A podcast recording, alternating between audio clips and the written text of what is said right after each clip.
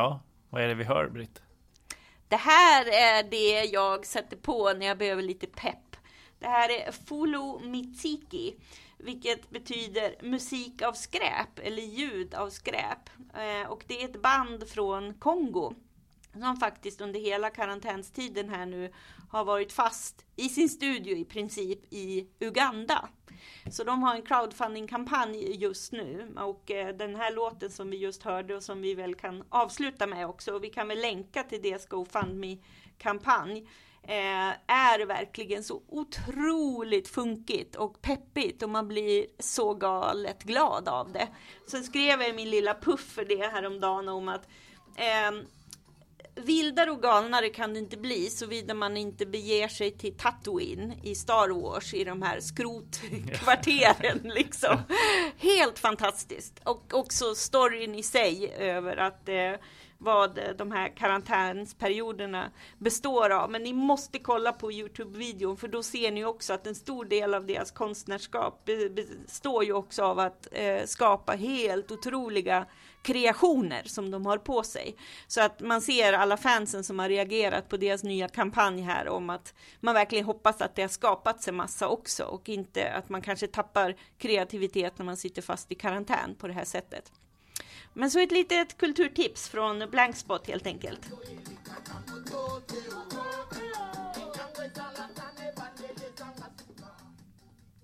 Fulu Musiki, Eh, du var också i ropet här om eh, Alltid ropet. Men eh, för Blankspot har du ju bevakat framförallt hur pandemin påverkar yttrandefrihetsfrågor. Ja. Och då fick du också, eh, vad ska man säga, sällskap på barrikaden av FNs särskilda rapportör i de här ämnena. Som mm. just kom med en rapport som tog upp ganska mycket av det, de liksom, glidningar och händelser runt om i världen som du också har, har pekat på under våren. Eh, och du har läst hela den här eh, rapporten och huvudsyftet är väl hur pandemin har liksom undergrävt eh, både pressfrihet och medier globalt. Mm.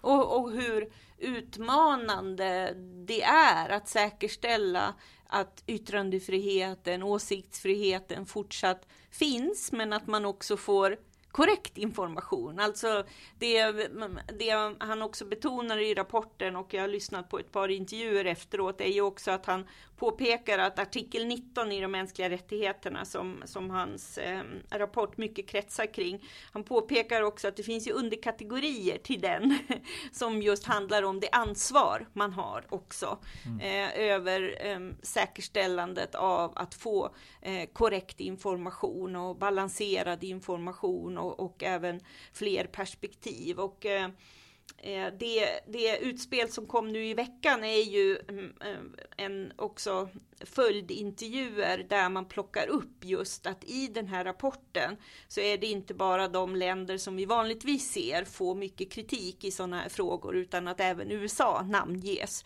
i rapporten över det problemet som finns när man från Eh, eh, eh, presidentens sida och eh, från politikens sida generellt ser de här starka, starka angreppen mot medier. Och sen tycker jag att det är spännande att efter diskussionen blir just ett resonemang om Trump-effekten. Ja, för du var med i studie 1, det var det jag ja, refererade till i början precis. här igår. Ja. och kommenterade den här för att det, det som är spännande i rapporten är ju att man ser eh, hur otroligt många exempel på, på det här finns. Och många av dem har vi, har vi skrivit om här eh, tidigare. Vi vet ju till exempel att eh, i Ungern att det finns den här lagstiftningen mot falsk information och då blir ju falsk information en kritisk artikel mot eh, regeringsstrategin för coronan i det fallet. Liksom.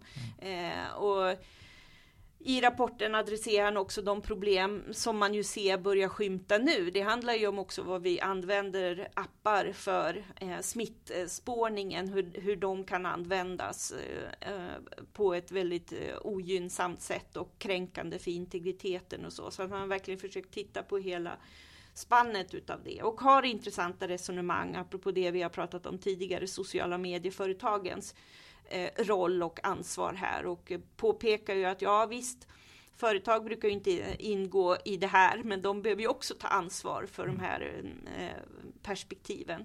Så att eh, den här rapporten är väldigt, väldigt eh, läsvärd. Men är väl ytterligare ett tecken på eh, texter som skrivs som är eh, synd att de behöver göras. Mm, Men det är ju mm. så det ser ut just nu. Och eh, hans syfte med det här var ju just att titta på hur artikel 19 tillämpas och fortsatt ska säkras.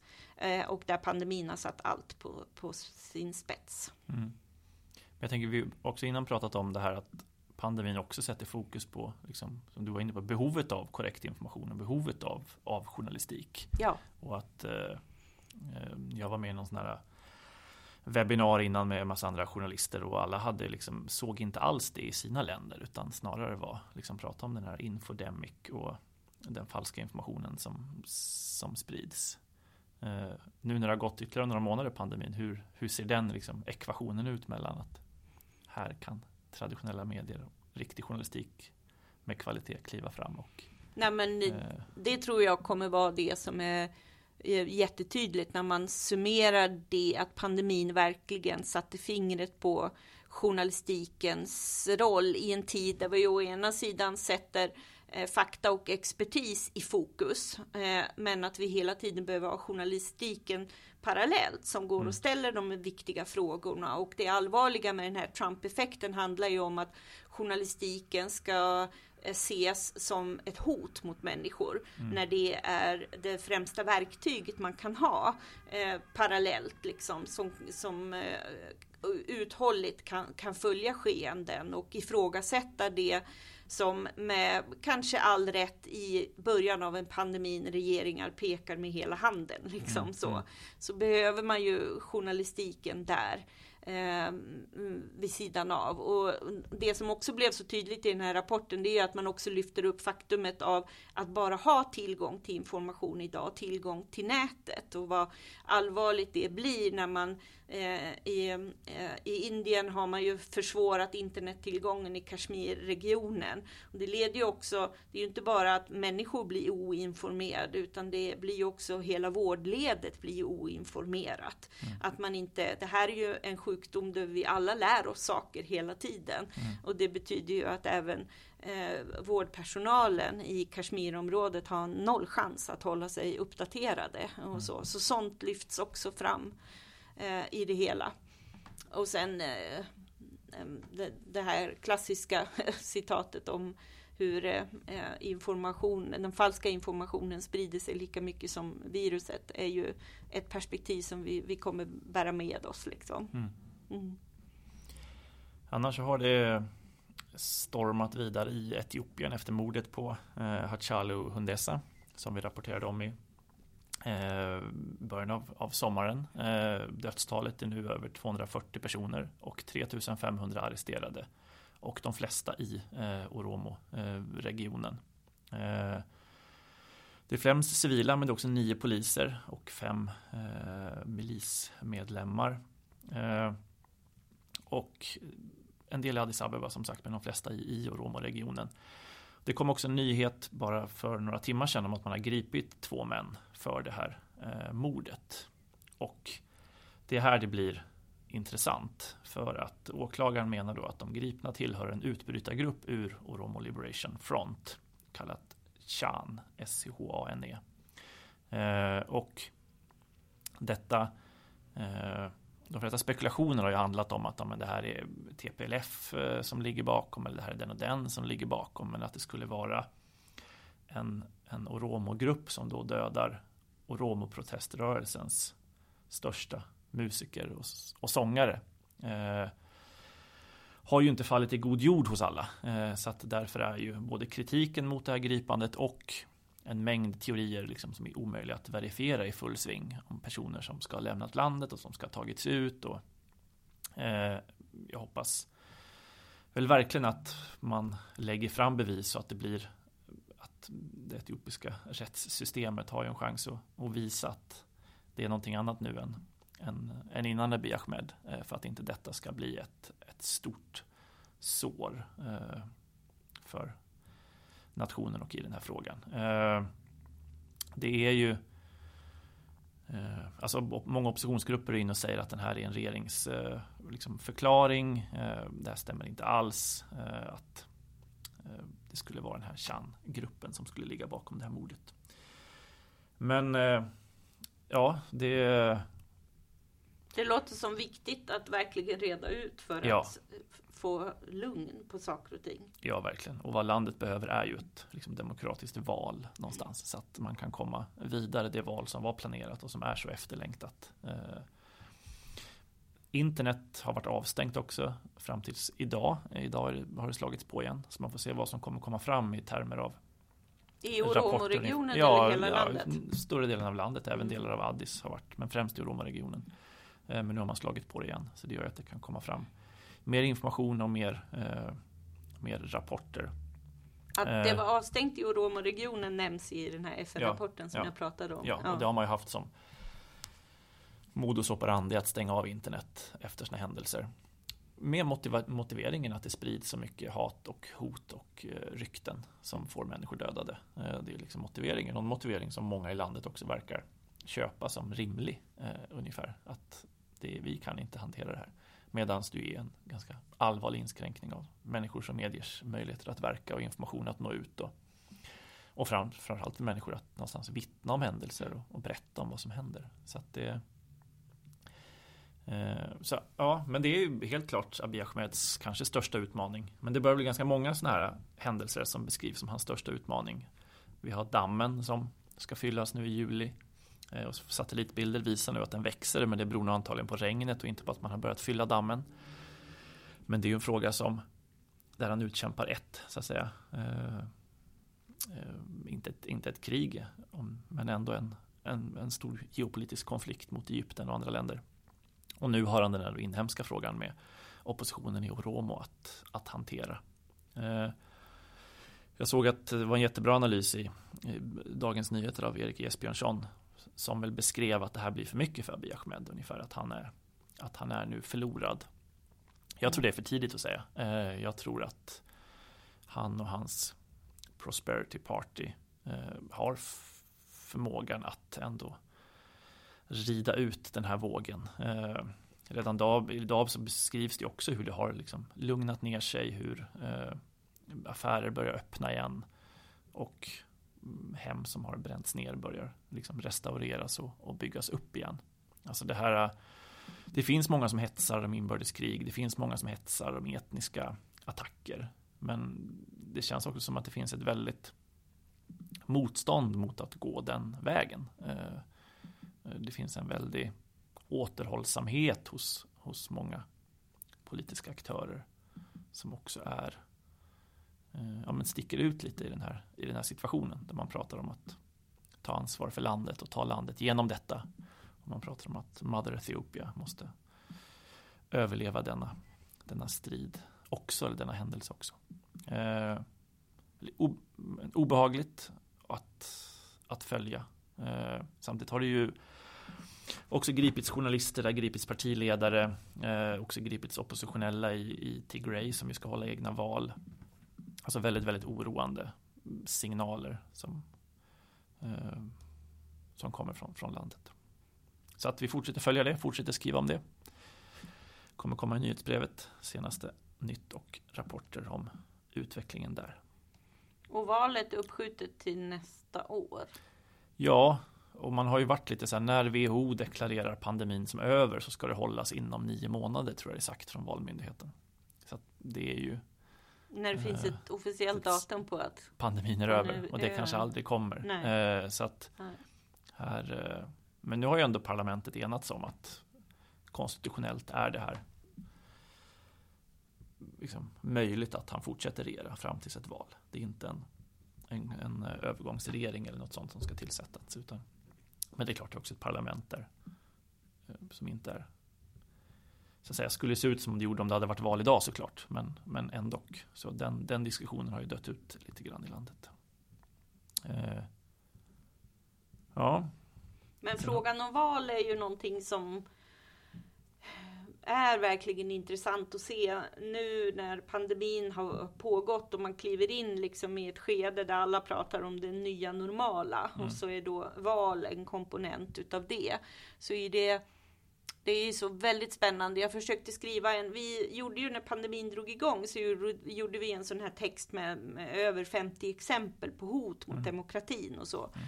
Och så försökte jag titta bara på några uppföljningsaspekter på det nu förra veckan. Och då just specifikt att titta på valen, påminna sig om hur det faktiskt ser ut i till exempel i Storbritannien där ju coronalagstiftningen, the Corona Act, finns ju liksom inget slutdatum för den än. Och den har ju bland annat inneburit att en herrans massa val i Storbritannien har skjutits upp ett helt år och det tog mm. man ju beslut om direkt i mars, vilket förvånade alla att redan mm. liksom inte bara skjuta till hösten utan ett helt år.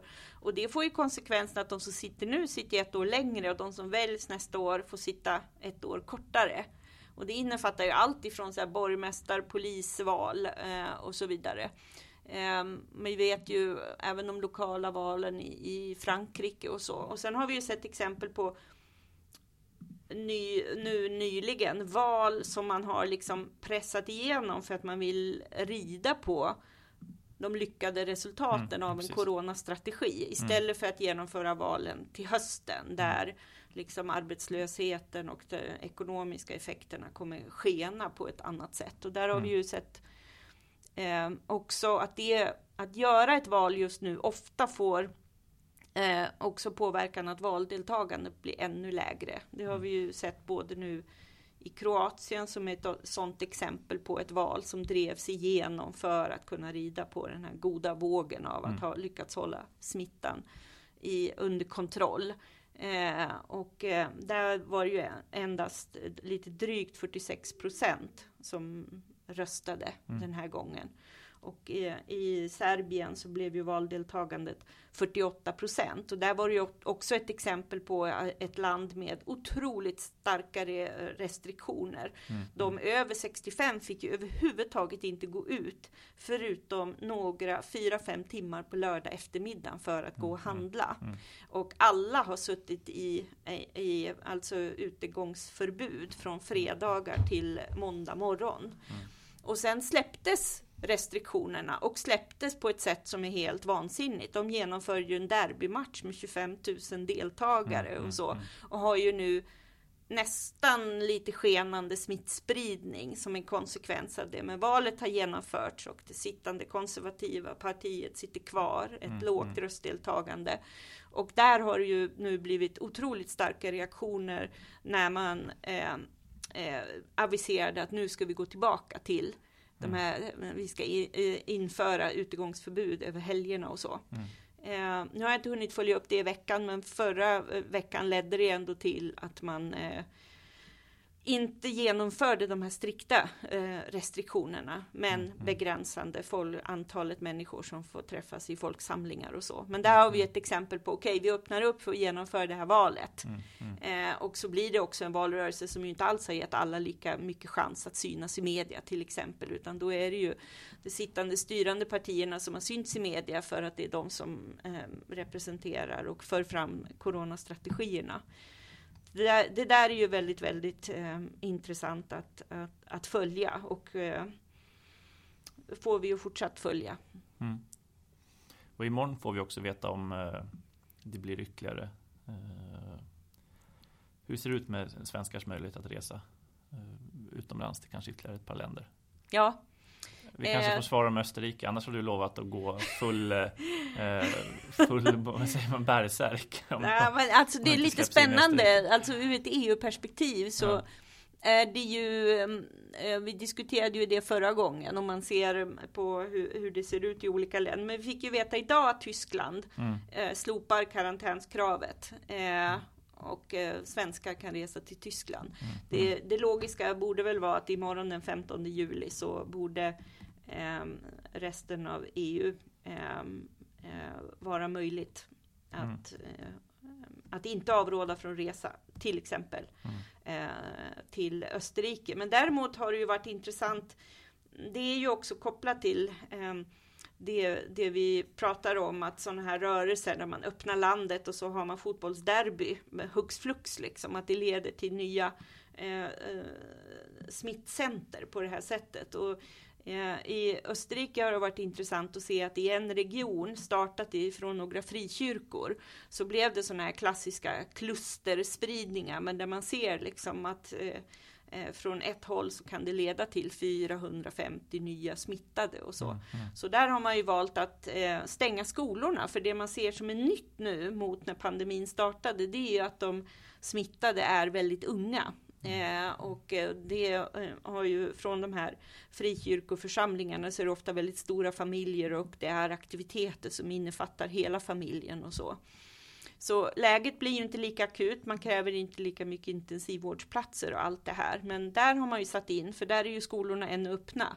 Att då har skolorna stängts och eh, förskola och allt annat som har med barnomsorg att göra. Och att man har infört den här att du är tvungen att använda eh, munskydd eh, eh på gator och i, i eh, ja, apotek, affärer och eh, lokaltrafiken och så.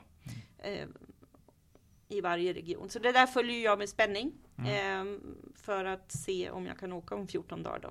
Mm. Så, men däremot har jag ju fått från min mammas eh, ålderdomshem väldigt liksom helt eh, nya rutiner där man tillåter besök eh, från två personer och man kan komma varje dag. Bara det är bokat liksom. Mm. Men att det har gått från en dag i veckan för en person till eh, eftersom det har varit noll mm. spridning på det, på det hemmet där hon är och i, i vinområdet så har de infört de här reglerna. Men att det är inte så att man får gå in i huset eller så utan att det fortfarande är begränsat. Men eh, fler möten. Mm. Eh, så det är ett positivt steg. Mm.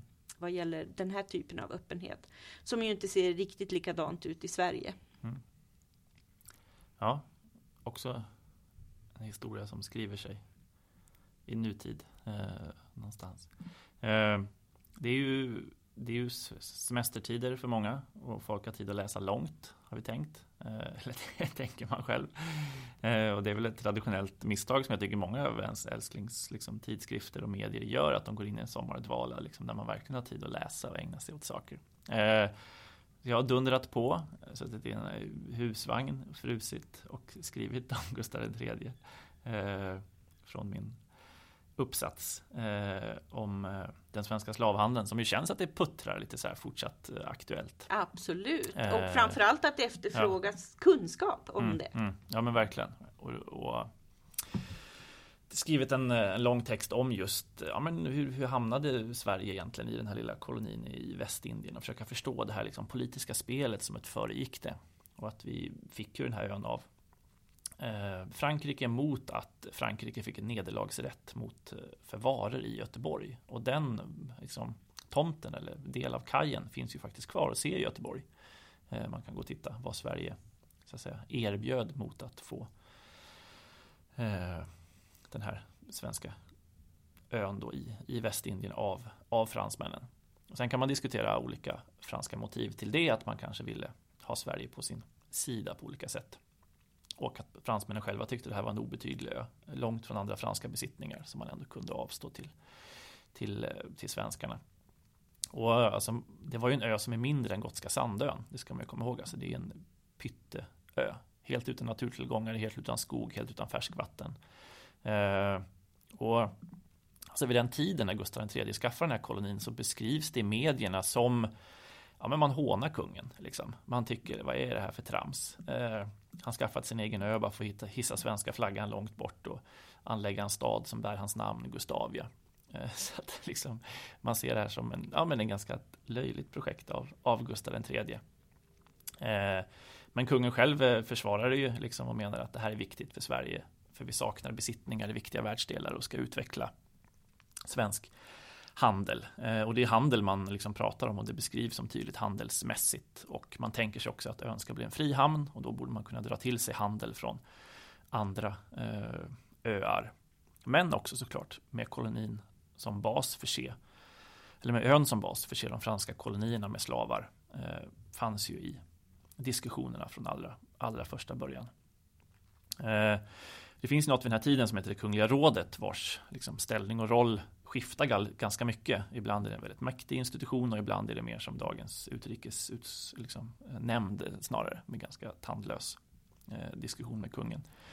Men eh, i det här rådet och så förs det diskussioner om okej, okay, vi har den här ön. Eh, hur ska vi göra? Vad behöver vi? Eh, och ganska så detaljerade diskussioner. Ja, man behöver eh, Uh, uh, ska vi se här. Eh, jag ska hitta i artikeln.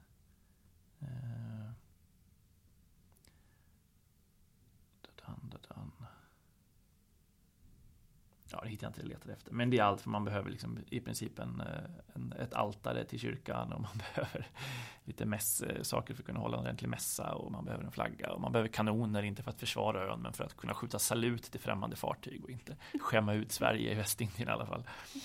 Eh, och ja, men så småningom drar det igång och så småningom får också ett eh, eh handelsmän möjligheter att också föra slavar från Västafrika till, eh, till kolonin.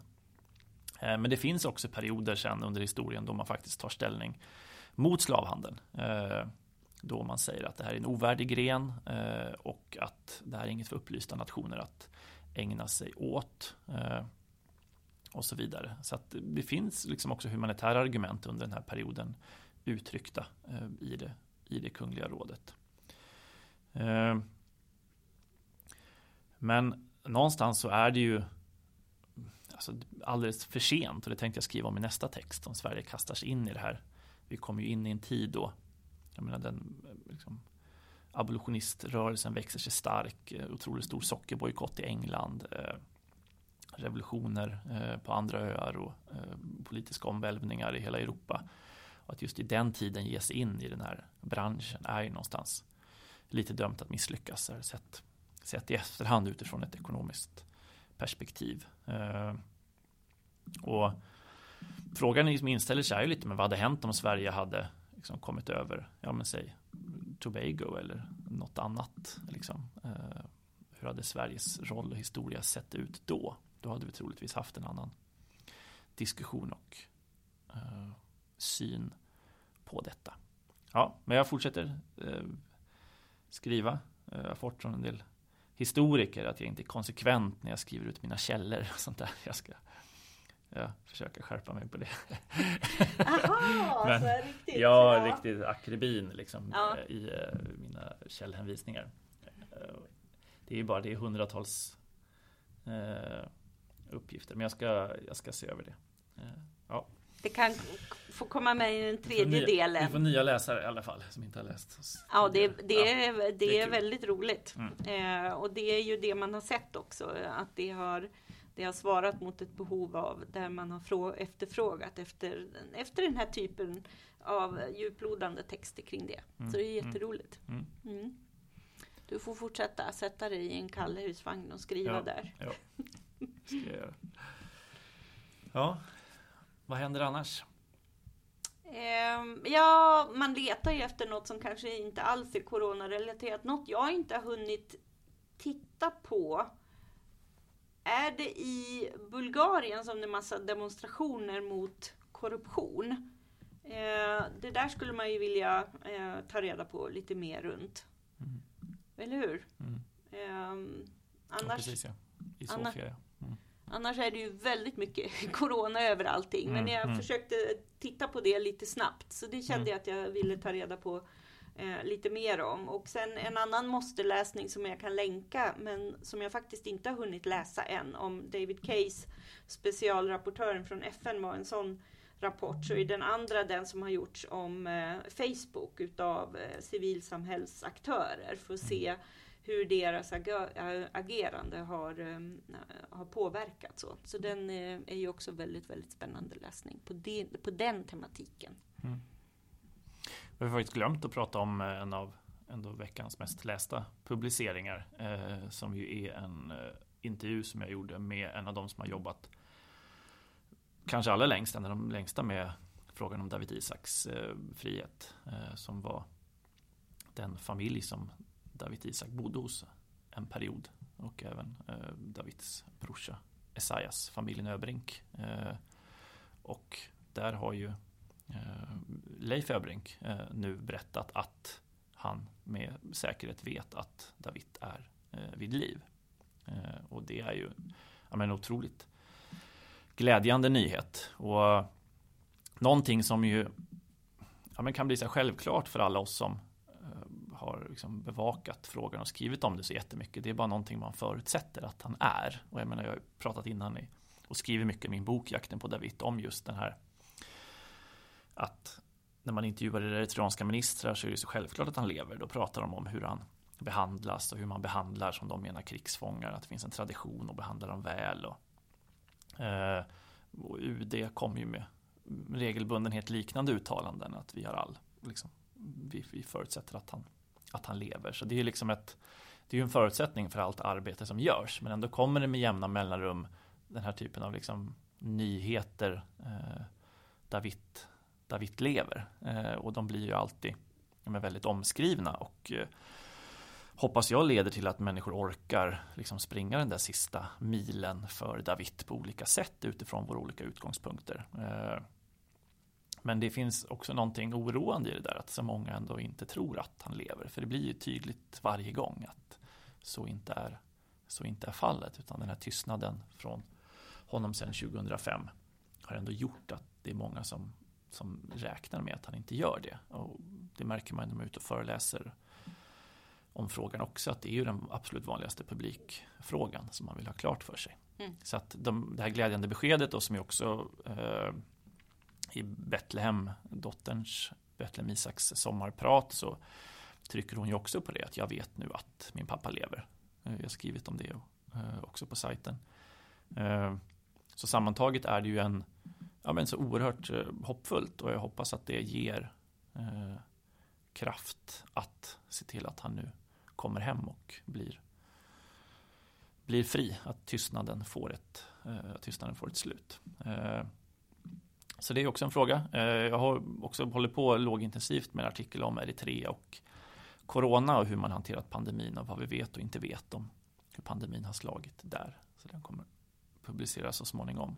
Men för det är ju ändå det, om man säger eh, det nya, att det är i princip omöjligt att flyga till mm, Eritrea idag och att landet liksom har förklarat krig mot coronan med allt vad det innebär när ett sådant land förklarar krig mot någonting. Att det blir verkligen en prioritet för hela samhället. Eh, och där allt från ölbryggerier har ställt om och tillverkat handsprit till att eh, informationen blir än mer svår att nå kring liksom, mm. vad som försiggår runt om i Eritrea. Men jag tänker i, i, i mycket av arbetet genom åren så har, har man ju ofta återkommit till eh, Esaias Afwerkis att han skulle liksom aldrig backa från de beslut som har tagits och så. Men då känner man ju också att en, en pandemi på något sätt, det finns ju så många rapporter från hela världen om vad som har hänt i fängelser mm, mm. runt om i mm, världen. Där det mm. finns många som har fått förkortade straff eller vissa har skickats hem omedelbart för att undvika smittspridningen i mm. fängelser och sådana mm. saker. Eh, pandemin skulle ju kunna ge den typen av skäl. Ja, liksom. Och det är något som FN har plockat upp också och krävt FNs särskilda rapportör att just släpp de politiska fångarna eh, nu. Om liksom, det är ett det är ett tillfälle att, att göra det för att undvika att inte fängelsestraff ska bli dödsstraff. Ja. Att släppa, eh, släppa fångar ur fängelserna.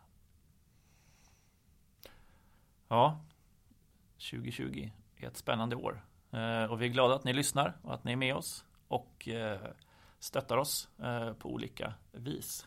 Så vi avslutar med Fulu Mitsiki.